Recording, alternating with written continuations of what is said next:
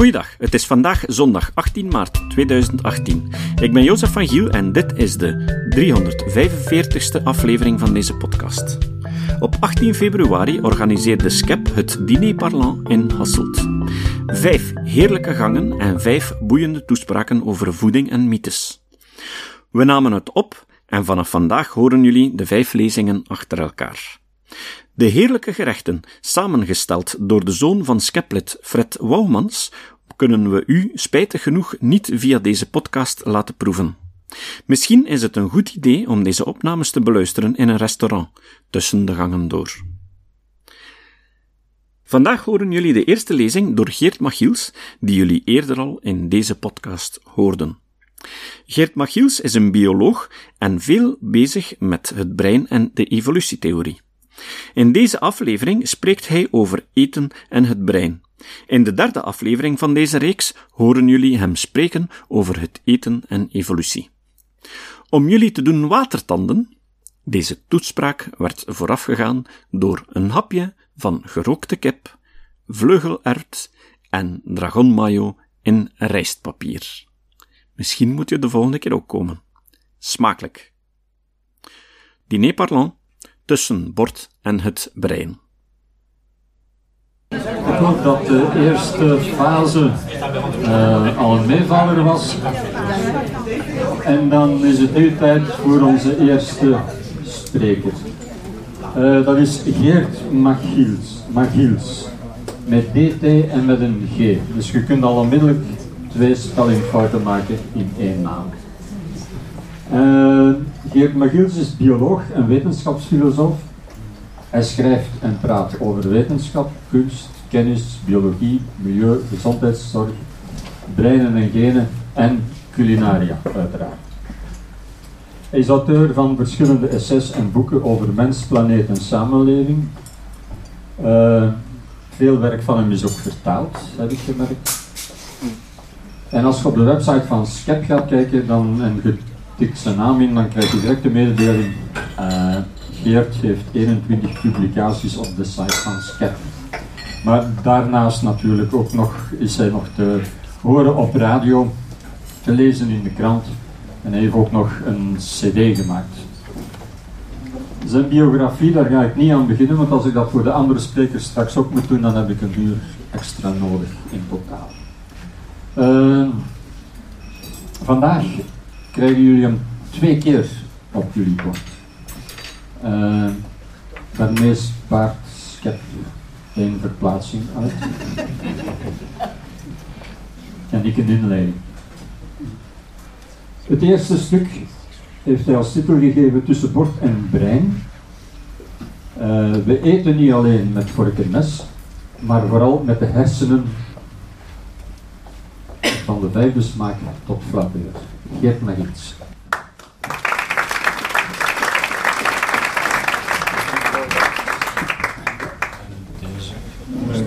Dit zal wel genoeg zijn, denk ik. Goedemiddag. Um, de overkoepelende titel van, het, uh, van de hele diner parlant uh, zei ook iets over voeding en mythes. En in dit stuk ga ik niet zozeer iets vertellen over uh, mythes en die doorprikken, maar wel over hoe het dan komt dat ons brein zo goed gelovig is om die mythes, ook als het over voedsel gaat, um, aan te nemen of daarin te geloven. Um, en we moeten dan eerst weten wat, uh, wat dat brein eigenlijk doet. Je moet bedenken dat is uh, een gigantische hoop um, van miljoenen zenuwcellen in ons hoofd, gekoppeld aan zenuwcellen door de rest van ons lichaam. Maar hier binnen in dat hoofd, daar dringt geen licht of geen geluid in binnen. Dus die hersenen die moeten alle informatie over de buitenwereld via via te weten komen. Dat wil zeggen via onze ogen, via onze oren. En uh, daarbuiten, hier buiten, buiten mijn brein, uh, daar zijn geen kleuren, daar zijn geen geluiden. Er zijn alleen maar uh, fotonen, ehm, lichtdeeltjes van bepaalde frequenties. En die komen binnen via mijn ogen, die worden omgezet in elektrische impulsen en chemische signalen. En die gaan naar onze hersenen en die komen daar aan en onze hersenen maken daar dan iets van. Um, om er een voorbeeld te geven, um, als je een appel um, ziet, dan, dan denk je, ah, die appel die is daar. Maar je ziet die appel niet op die manier. Er, zit, er is geen camera die dat filmt en er zit dan binnen in ons hersen niet een ventje te kijken naar het scherm. Nee, dat beeld van die appel dat wordt opgebouwd uit wat je aan de linkse kant aan de rechtse kant ziet, dat gaat dan via gekruiste zenuwen aan de andere kant van de hersenen, wordt samengesteld tot het beeld van een appel. En ook de kleur die daarbij hoort, die, ehm, die wordt op verschillende delen in de hersenen ehm, verwerkt.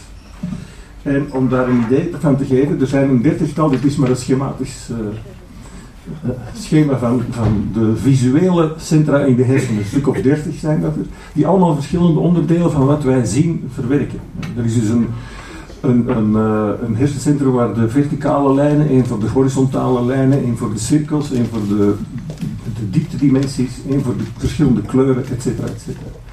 Uh, een van de mooiste voorbeelden om te illustreren wat er gebeurt als een van die centra uitvalt, is een, een beroemde patiënte die haar uh, zenuwcentrum, waar beweging wordt geregistreerd of gezien, um, beschadigd zag na een beroerte. En zij kon dus geen beweging meer zien en op dit moment ziet zij dus de trein het station binnenrijden. In het volgende moment staat hij voor haar stil en wat daartussen gebeurt heeft ze niet gezien.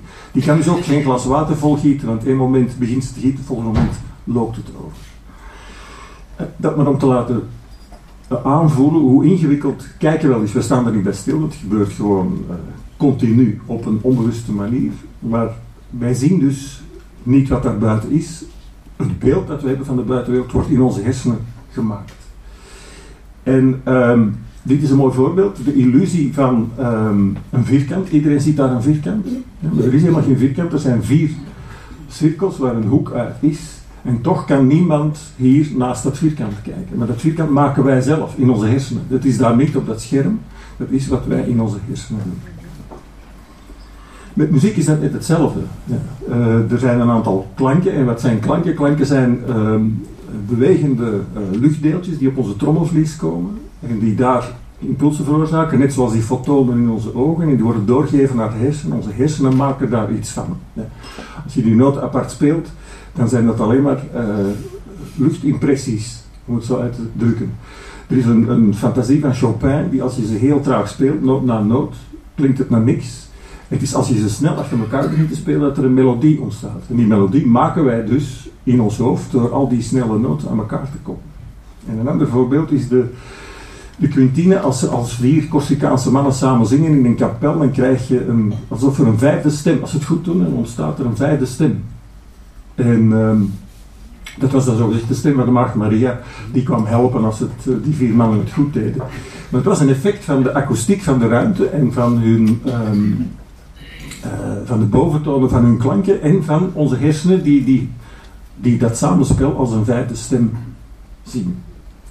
Je denk je van, wat, wat heeft dit dan allemaal met eten te maken? Ja, met dat eten is dat net hetzelfde. De geur van tijm of uh, de smaak van uh, sinaasappel of van die wijn die je nu zit te drinken, ja. die is daar niet in die citroen of in dat tijmplantje, daar zit alleen een moleculen in. Ja. En die moleculen die heeft op zich geen geur. Dat wordt pas een geur als die binnenkomt, op een receptor aanklikt, daar een effect heeft op een zenuw en dat doorgeeft naar de hersenen, waardoor we daar geleerd hebben dat dat, aha, tijm is. Of citroen, of de tannine in de wijn.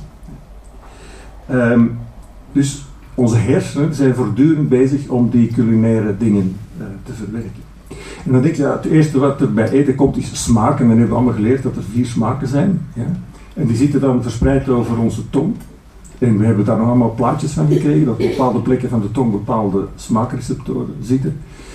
Um, ik kan je vertellen, dat is een mythe, die kunnen we dus bij deze doorprikken, want Henig is de eerste die daar uh, begin vorige eeuw een studie over gedaan heeft en die had wel plekken gevonden waar iets meer van bepaalde smaakreceptoren voor zout of zuur of bitter uh, aanwezig waren. Um, maar die zaten eigenlijk overal over de hele tong. En dat ding is verkeerd geïnterpreteerd en voortverteld. En eigenlijk zitten die smaakreceptoren overal. Bovendien zijn er geen vier, maar zijn er vijf. Er zijn vijf smaken, ondertussen weten we dat een beetje. Dat is doorgedrongen tot in de culinaire wereld en tot in de, bij het algemene publiek. We hebben umami, dat is Japans, voor uh, delicieuze smaak gevonden door deze professor Ikeda, ook begin vorige eeuw. Um, die heeft dat toen beschreven. En hoe komt het dat de Japaner dat dan uh, zo goed wist te beschrijven? Omdat zij een spul hebben in de keuken. Uh, dashi, dat is uh, een basisbouillon die zowat in alles gebruikt wordt. En er zit heel veel kombu in, dat is zeewier. En dat zeewier, koop je zo in pakken, daar zit ontzettend veel van een bepaald zout in. Natriumglutamaat, namelijk. Waarom zit er in zeewier veel zout? Dat zit ook in vis trouwens omdat uh, dat gaat tegen dat osmose een cel van die plant gewoon helemaal leegtrekt. Wat, uh, voor iemand die nog niet weet wat osmose is, probeer het snel uit te leggen. Je hebt een cel, daar zit een, velletje rond, daar zitten gaatjes in. In de cel zit zout. Ja. Daarbuiten zit er wel zout, maar daarbuiten is zeewater, er zit nog veel meer zout in. En de natuur probeert dat in evenwicht te krijgen. Dus die gaat proberen om de concentratie aan de twee kanten gelijk te krijgen. Dus die trekt ontzettend veel water uit, uit die cel als gevolg dat ze kapot gaat. Uh, tenzij de concentratie omgekeerd zou zijn, dan krijg je tegenovergestelde, dan loopt er te veel water binnen en dan barst je cel kapot. Nu, dat natriumglutamaat in, die, in, dat, uh, in dat zeewier zorgt er dus voor dat uh, de Japanners opgevoed zijn met heel veel van die smaak. En dat het ook een Japanner was die als eerste op zoek ging naar umami en of er een receptor voor was. Die receptor is gevonden. En uh, het is dus dat glutamaat dat het hem doet. En dat glutamaat zit niet alleen in uh, Japans uh, eten, maar dat zit ook in tomaten, in parmezaan, in oude kaas, in truffels, in paddenstoelen en zo. En je ziet hier dat de hoeveelheid glutamaat toeneemt naarmate een tomaat rijper wordt. Van rechts een groene, van links een groene, van rechts een rode. Er is, en dat is dan wel een mythe ook weer, die ik en passant kan uh, ontkrachten. er bestaat zoiets als het Chinees restaurant syndroom. Mensen die op een Chinees restaurant gingen en die Um, na de verhalen gehoord hebben over sodium natriumglutamaat, dat daar als smaakversterker gebruikt werd in de Japanse of in de Chinese keuken, en dat die daar hoofdpijn van kregen en misselijk werden en meer. Men heeft een aantal mensen naar die, die daar gevoelig voor waren, naar een Italiaans restaurant gestuurd met pizza's, met uh, rijpe tomaten en, en, uh, en truffels en dergelijke meer. Evenveel glutamaat als bij een Chinees restaurant en geen hoofdpijn. Ja. Dus de, het, ziek worden was een, een, illusie die bij die mensen opkwam omdat ze dachten dat ze gevoelig waren voor um, iets, een artificiële toevoeging aan uh, Chinees eten. Dat is de smaak, maar nu de geur.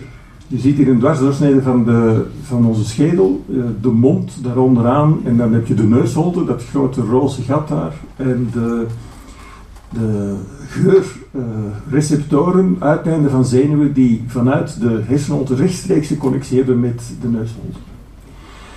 Um, het is jammer eigenlijk dat het voorgerecht nu nog niet op tafel staat, want daar zit gerookte kip bij en dan had ik een proef kunnen doen, maar je kan dat zelfs doen als het op tafel komt. Uh, je neemt een stukje van die kip en dan gaan we allemaal misschien dat samen doen en je houdt je neus dicht. Ja. Dan steek je die kip in je mond en begint te kauwen en dan proef je niks. En terwijl je, als je 10, 20 keer gekauwd hebt, laat je je neus open en plots, plots proef je de gerookte smaak van de kip. En het verschil is het volgende. Um, als je aan die kip ruikt, dan gaat via de paarse pijl uh, komen een aantal moleculen terecht bij die uh, zenuwuiteinden die je net zag. En dat is de orthonasale geur. En als je dat afknijpt, dan krijg je die smaak, die geur natuurlijk niet binnen. Uh, dat is ook wat er gebeurt als je verkouden bent en heel je neusholte zit vol slijm.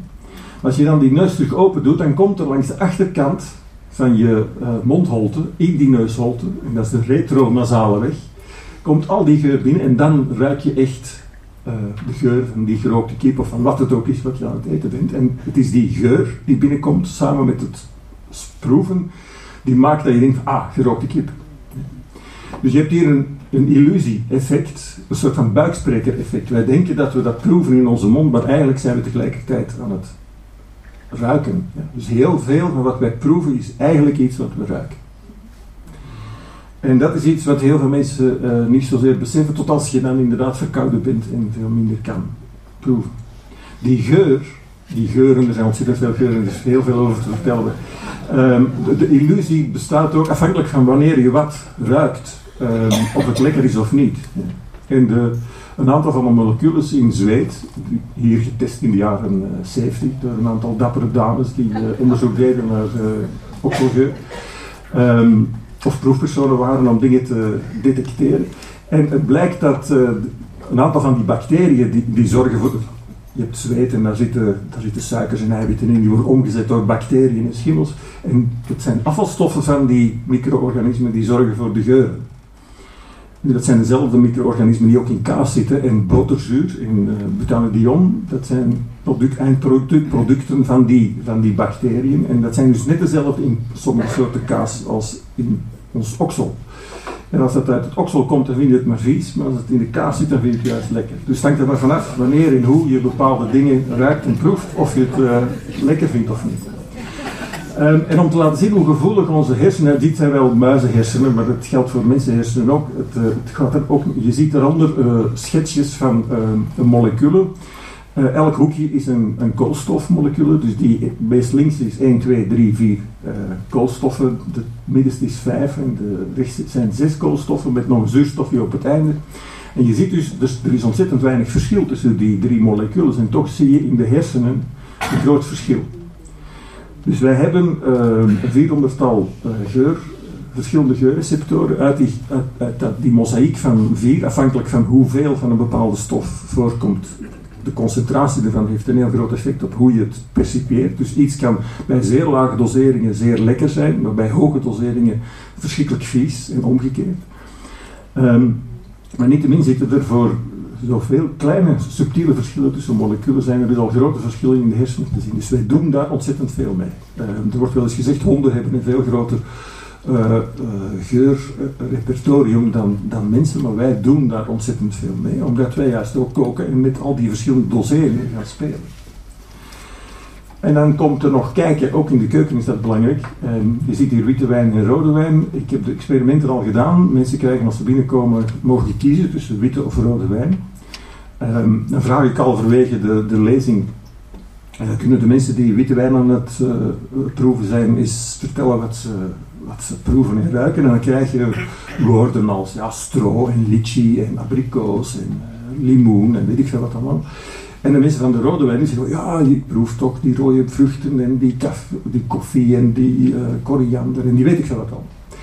En dan dan vertel ik dat ze eigenlijk allemaal dezelfde witte wijn aan het drinken zijn, dat we alleen in die witte wijn rode kleurstof, totaal neutrale rode kleurstof gedaan hebben. Dus om, wat wij zien bepaalt heel sterk wat wij denken te proeven.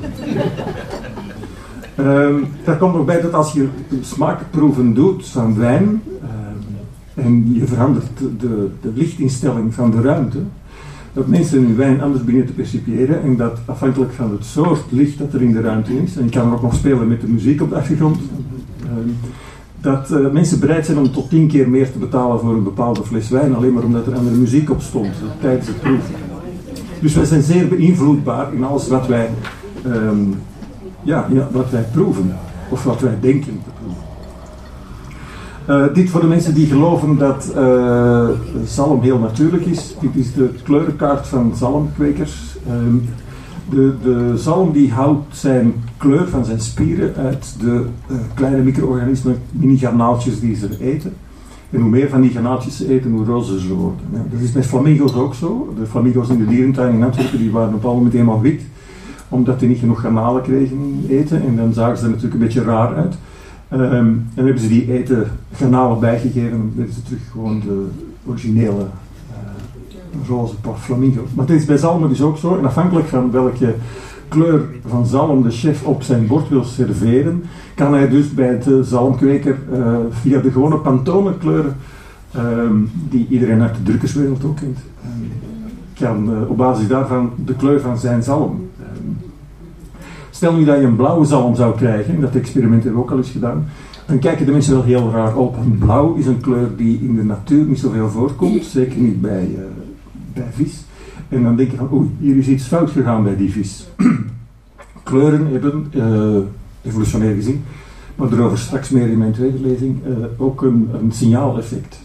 Een groene banaan, daar gaan we niet aan beginnen, want dan weten we dat die niet rijp is. Een gele banaan wel bepaalde vruchten die signaleren door hun kleur juist dat ze rijp zijn, klaar om opgegeten te worden. um, dus kleur is in dat opzicht ook belangrijk om, voedsel te leren appreciëren. Kleur is ook belangrijk in boter. Wij vinden een gele, witte boter een beetje raar, gele boter is oké. Okay. Um, eind in de tweede helft van de 19e eeuw had Napoleon opdracht gegeven om margarine te maken voor zijn legers. het was heel moeilijk om boter mee te nemen op, uh, op, op uh, krijgstocht, want die boter werd ranzig. Dus uh, er heeft toen een Fransman margarine, kunstmatige boter gemaakt. Maar die moest dan geel gemaakt worden met bepaalde kleurstoffen. En in de Verenigde Staten was er een grote anti-margarine lobby van de botermakers. Die wilden dat dus tegenhouden en die vonden dat uh, productvervalsing. Dus die zeiden nee, die margarine die moet uh, wit blijven en kunnen de mensen het onderscheid maken. En toen kwam de uitvinding van ehm, de Squeeze Mix Margarine Package. En dus de margarinefabrikanten die gaven uh, zakjes gele kleurstof die uiteindelijk afkomstig was van boter. bij de pakjes witte margarine en dan konden mensen thuis de mengeling maken en dan zag de margarine er terug gewoon botergeel uit. Dus je ziet maar hoe belangrijk kleur kan zijn in voedsel. Um, nog een factor die meespeelt als we eten is uh, de textuur. Um, of iets uh, zacht is of hard. En wat wij voelen met onze handen. In vele culturen wordt met de handen gegeten. Die vinden het raar dat wij met, met zijn vork eten. Het is een techniek als een ander, maar dit is zoals vroeger spaghetti gegeten werd in het arme zuiden van Italië. Gewoon met de hand. Um, Iets wat met textuur ook te maken heeft en met het gevoel is uh, pijn. Ja, bedoel, wij eten een aantal van die kruidige dingen en dat is een milde vorm van pijn. Extreme vorm is capsaicine, dat is de tweede molecule uh, linksboven. Dat is, dat is de, de, het hete spul van chilipepers.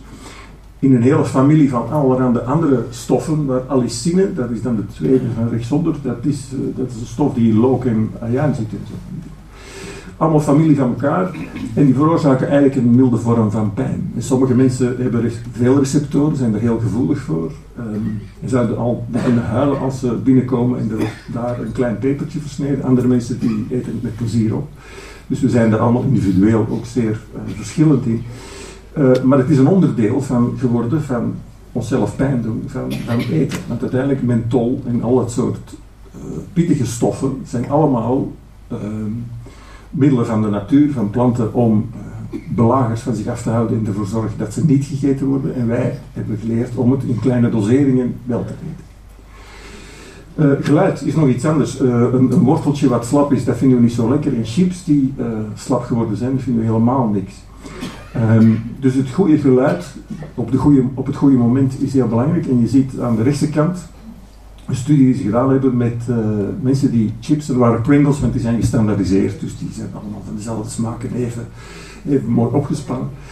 En daar speelde men, um, met, men nam met gevoelige microfoons het geluid op van, uh, van die chips, van heel vers, krokant vers tot heel slap. En uh, die verschillende geluiden met die speciale microfoons in de mond werden dan daarna afgespeeld bij andere mensen die uh, slappe chips konden eten. En dan kon men, als men het geluid varieerde, en men liet het geluid van hele krokante chips horen, konden mensen toch nog slappe chips lekker doen vinden. Dus je ziet hoe, belangrijk de auditieve impact is op, uh, op hoe wij eten appreciëren. En er is een ontzettend grote industrie, je mag niet onderschatten dat de voedingsindustrie hier zeer sterk mee bezig is, ook belangrijk is om, om om goed voedsel in, grote, in hoge kwaliteit bij zoveel mogelijk mensen te krijgen. Um, bijvoorbeeld als je, als je kroketten, viskroketten of wat dan ook, daar zit een laagje paneelmeel rond. En men heeft machines om met ultragevoelige microfoons, men zet daar druk op en men, men wacht dus bij welke druk uh, die krokante stukjes van dat paneermeel knappen en dus geluid maken. En dat is het goede moment, als dat de goede frequentie is, op het goede moment. Dat moet ook niet te vroeg komen of niet te laat, dat moet komen op het moment dat je daarin bijt. En op die manier wordt dus dat paneermeel uh, op een hoogtechnologische manier uh, getweakt, zodanig goed gemaakt, dat dat optimaal effect heeft in onze mond. Uh, er zijn bij het maken van, van chips en kroketten uh, meer geluidstechnici betrokken dan bij het maken van de volgende plaat van YouTube. Um, geluid is ook verschrikkelijk vervelend in vliegtuigen en um, dat is een van de redenen waarom eten in vliegtuigen nooit echt lekker is. En de koks die koken voor de mensen die aan boord zitten, die doen hun uiterste best door ontzettend veel meestal zout en umami en wat dan ook nog bij te doen om de smaak te versterken. Uh, maar het blijft, uh, het tegen de bierkaai, bij 90 decibel, wat dikwijls in het vliegtuig uh, te horen is, wordt, wordt ons smaakvermogen op een of andere manier toch wel zeer sterk beïnvloed. er zijn manieren om, om de smaak ook, ook op een positieve manier te beïnvloeden. En dit is een, een beeld van, van een, een, een, zeer mooi gerecht uit het restaurant van Heston Bloementaal, de man die de Fat Duck in uh, de buurt van Londen uh, heeft. Een van de eerste topchefs die begon met dit soort experimenten. En die heeft een, uh, een gerecht dat geserveerd wordt op een, op een bekje zand, wat eigenlijk geen zand is, maar een, mengeling van kruim en zout. En daar zit je oesters op en zeeschelp en weet ik En je krijgt dus in die grote schelp daarbij, daar zit een kleine iPod in. En je, voor je begint te eten steek je die oortjes in en dan hoor je een speciale soundscape die opgenomen is aan de zee. En ja, ik heb in dat restaurant gegeten en hij doet meer van dit soort dingen. En ik moet zeggen, dat is redelijk indrukwekkend. Want er zijn mensen die, die op het moment dat dit gebeurt, bijna in huilen uitbarsten, omdat het zo'n emotionele ervaring is om, om geluiden te horen van, van de zee. Dus denk je terug aan vroeger en hoe die mossel, die eerste mossel die je ooit gegeten hebt, uh, proefde of zo. Dus dat, dat, dan zie je dat die, dat die dingen heel sterk aan geheugen en aan uh, emotie gekoppeld zijn. En, en hij probeert dat dan samen met voedsel in één beleving te gieten. Um, er wordt op vele manieren geëxperimenteerd met voedsel, maar dit is een van, van, de mooie, denk ik. En dat, ja, dat verklaart ook waarom bijvoorbeeld in sommige restaurants wil men jou zo snel mogelijk buiten, want men wil een tweede uh, gang nog serveren aan de volgende klant natuurlijk. En daar draaien ze dan muziek die ervoor zorgt dat je niet te lang blijft zitten. Uh, in andere restaurants doen ze het juist andersom. Maar dus die muziek, muziek heeft wel degelijk invloed op de manier waarop je uh, je eten beleeft. Je had het net over geheugen en dit is natuurlijk een heel mooi voorbeeld. Iedereen die Proest gelezen heeft, die weet dat Marcel bij het eten van een madeleine en een, ehm, en het drinken van een lindethee terugdenk aan zijn dorp of het stadje waar hij uh, opgegroeid is. En er wordt wel eens gezegd dat geuren en smaken uh, een rechtstreekse connectie hebben uh, met, met, met ons geheugen. Dat is ook maar gedeeltelijk waar. En als je Proest zelf leest, dan merk je dat dat niet zomaar plots kwam, die herinneringen aan zijn, aan zijn jeugd en aan die plek waar hij was opgegroeid. Maar dat, dat hij daar het gedeelte, het, geleidelijk aan, stap bij stap reconstrueert. Maar het is wel duidelijk dat die, dat die herinnering aan uh, die Madeleine uh, bij hem heel veel oproept en dat het gekoppeld is aan die, aan die emotionele beleving daarvan. We hebben ook de proef ooit gedaan tijdens een lezing om Madeleines te serveren uh, die helemaal niet zoet waren, maar juist hartig. En dan zie je mensen heel raar opkijken, want ook wij hebben toch altijd nog een herinnering aan Madeleine, verwachtingen over Madeleine. Onze hersenen zitten vol verwachtingen. Dus als je bepaalde dingen geserveerd krijgt die totaal anders blijken te zijn dan wat je dacht dat het ging zijn, dan is het natuurlijk wel raar. Een vriend van mij is een kok, Peter de Bie, die kookt bij Laika. Met hem heb ik veel van dit soort experimenten gedaan. Um, en die, die heeft op een bepaald moment uh, een biefstuk geserveerd. Althans, mensen dachten dat het een biefstuk was, maar het was watermeloen. En, en dan, dan krijg je een heel raar effect natuurlijk. Je steekt die eerste hap en je, je, snijdt al, en dat is al anders dan gewoon vlees. En dan steek je het in je mond en dan weet je echt niet meer wat er gebeurt.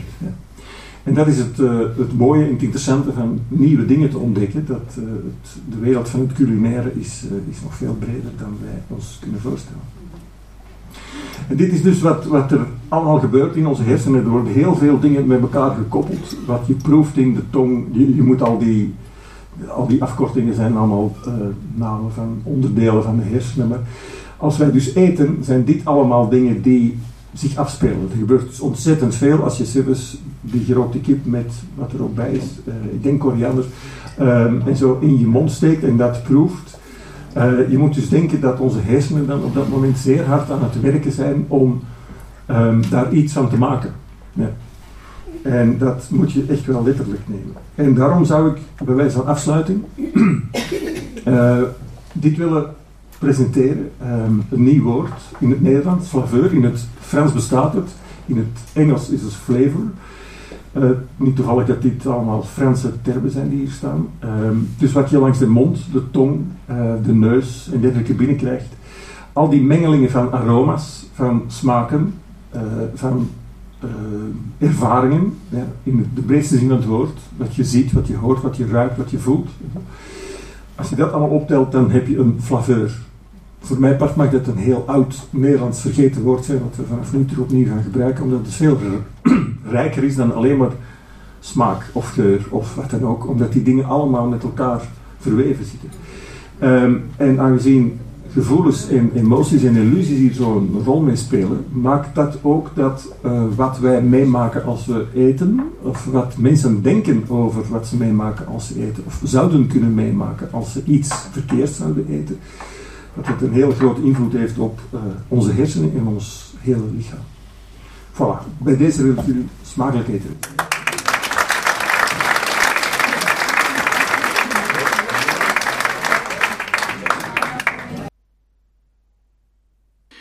Het citaat. Het citaat van vandaag komt van Bertrand Russell. Russell zei: Alleen fanatiekelingen en fundamentalisten zijn altijd zeker.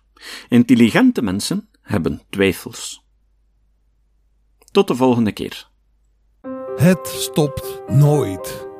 De ene vriend heeft het over zijn nieuwe reiki-meester. En een ander postte zojuist over nog maar eens een volledig natuurlijke kankerbehandeling waarvan zij niet willen dat jij ze kent. Als sceptici steken we veel tijd in pogingen om de mensen om ons heen tegen deze en andere vormen van kwakzalverij te beschermen. Maar er bestaat een manier om miljoenen te bereiken.